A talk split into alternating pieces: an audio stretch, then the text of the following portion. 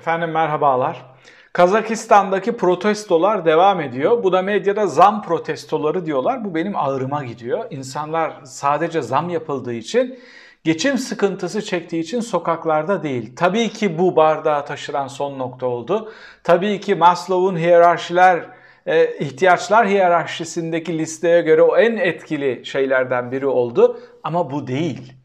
Bir de Kazakistan tartışılırken yani Türkiye'de tartışılırken zaten tartışan adamların Orta Asya ile falan demokrasiyle, devlet yapılarıyla çok alakası olan tipler değil. Ama kısmen bu kavramları bilen, bu müktesebattan geçmiş aktörlerin de işte Rus emperyalizmi, dış güçler orayı kışkırttı, kimin oyunu, Rusya ile Çin arasında kimse çıkıp şunu demiyor. Neden onu bunu tutacağınıza neden demokratik, şeffaf ve hesap verebilen bir sistem inşa edemiyoruz? Neden para, altyapı, güvenlik olmasına rağmen kademeli olarak bu değerlerle barışamıyoruz? Neden Magna Carta'nın üstünden 800 küsür yıl geçmiş olmasına rağmen Türkiye'de AKP'nin kurduğu rejim bu anlaşmanın kat be kat gerisinde? Bu soruları soramıyoruz. Ondan sonra komple teorileriyle farklı şeyler tartışılmaya çalışılıyor. Şu çok rahatsız edici.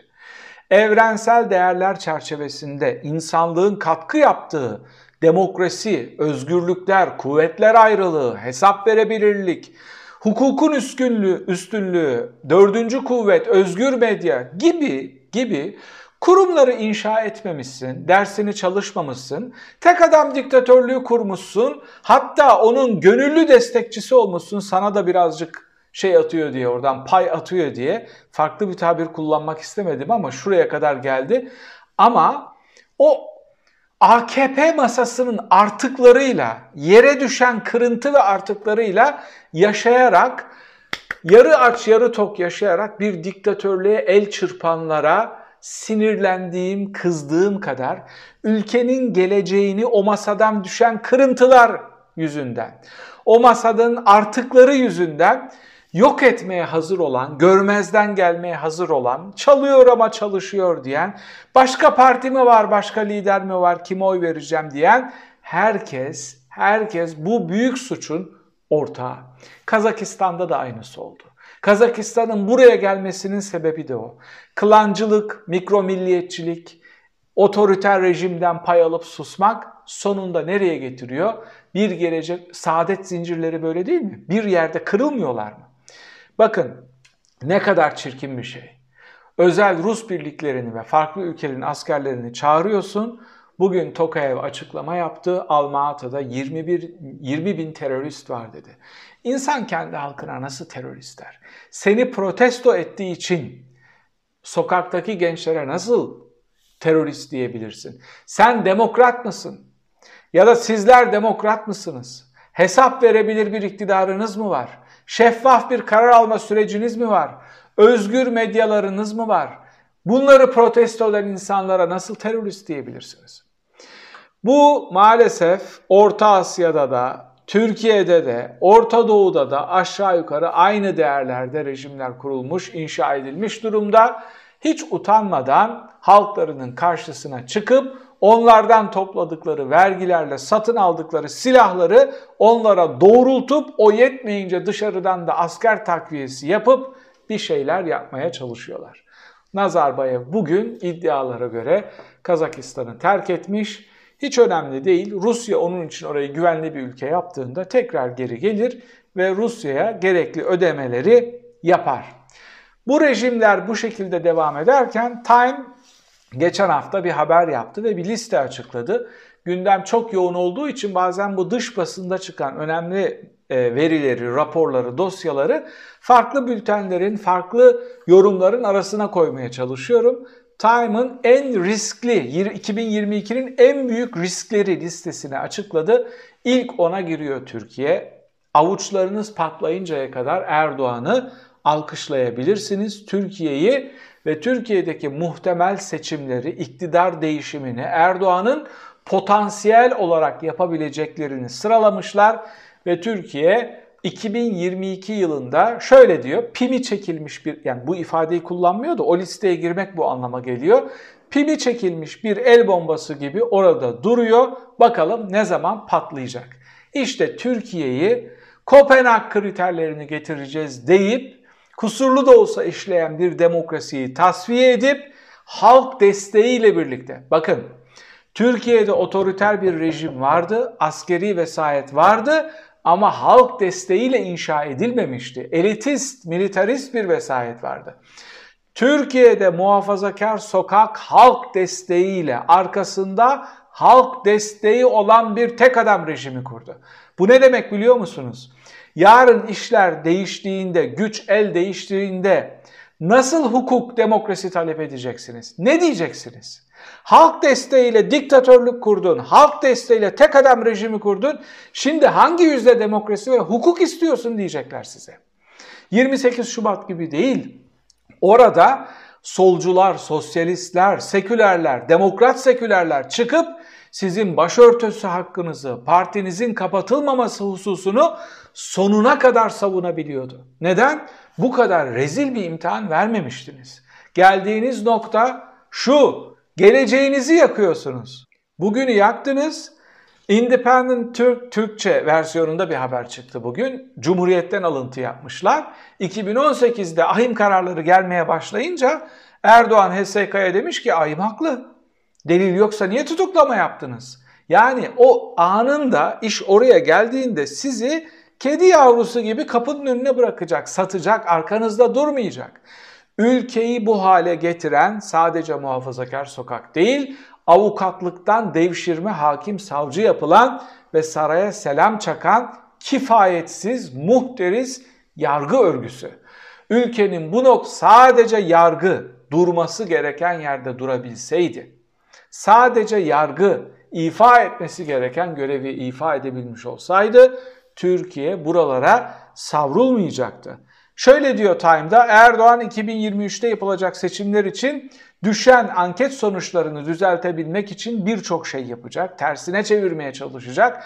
Büyük riskler alacak. Türkiye ekonomisinde ve uluslararası saygınlığı daha da düşük seviyelere çekecek. Hadi itiraz edin. Hadi dava açın Time'a. Nasıl bizim hakkımızda böyle bir şey yaparsınız deyin. İşsizlik ve enflasyon yüksek, lira daha zayıf ve daha oynak ancak Erdoğan geleneksel ekonomi yani ortodoks ekonomi gerçeklerini reddeden bir noktada. Evet, Time'ın listesinde burada duruyor. Şimdi başka bir risk listesini buna ekleyeceğim. Time doğru mu söyle? Şimdi mesela bunu dinleyen AKP'ler şöyle diyecek. Ya onlar zaten dış basın bilmem ne. Hadi buna itiraz edin. Borçlama, borçlarını ödeyememe riskini gösteren CDS priminde Türkiye en riskli 11. ülke konumuna geldi. Hani dünyanın en güçlü 10 ekonomisinden biri yapacağız diyor ya Erdoğan. Açıkça çıkıp gözlerinizin içine bakarak kendisinin de inanmadığı ifadeleri kullanıyor. Çünkü Türkiye borcunu ödeyememe ihtimali olan 11 ülke arasında. İlk 11'e giriyor. Sahada yani. Yedek kulübesinde bile değil, ilk 18'de bile değil. Türkiye ilk 11 içinde bu ne demek? Bu şu demek. Borçlarını çeviremeyen.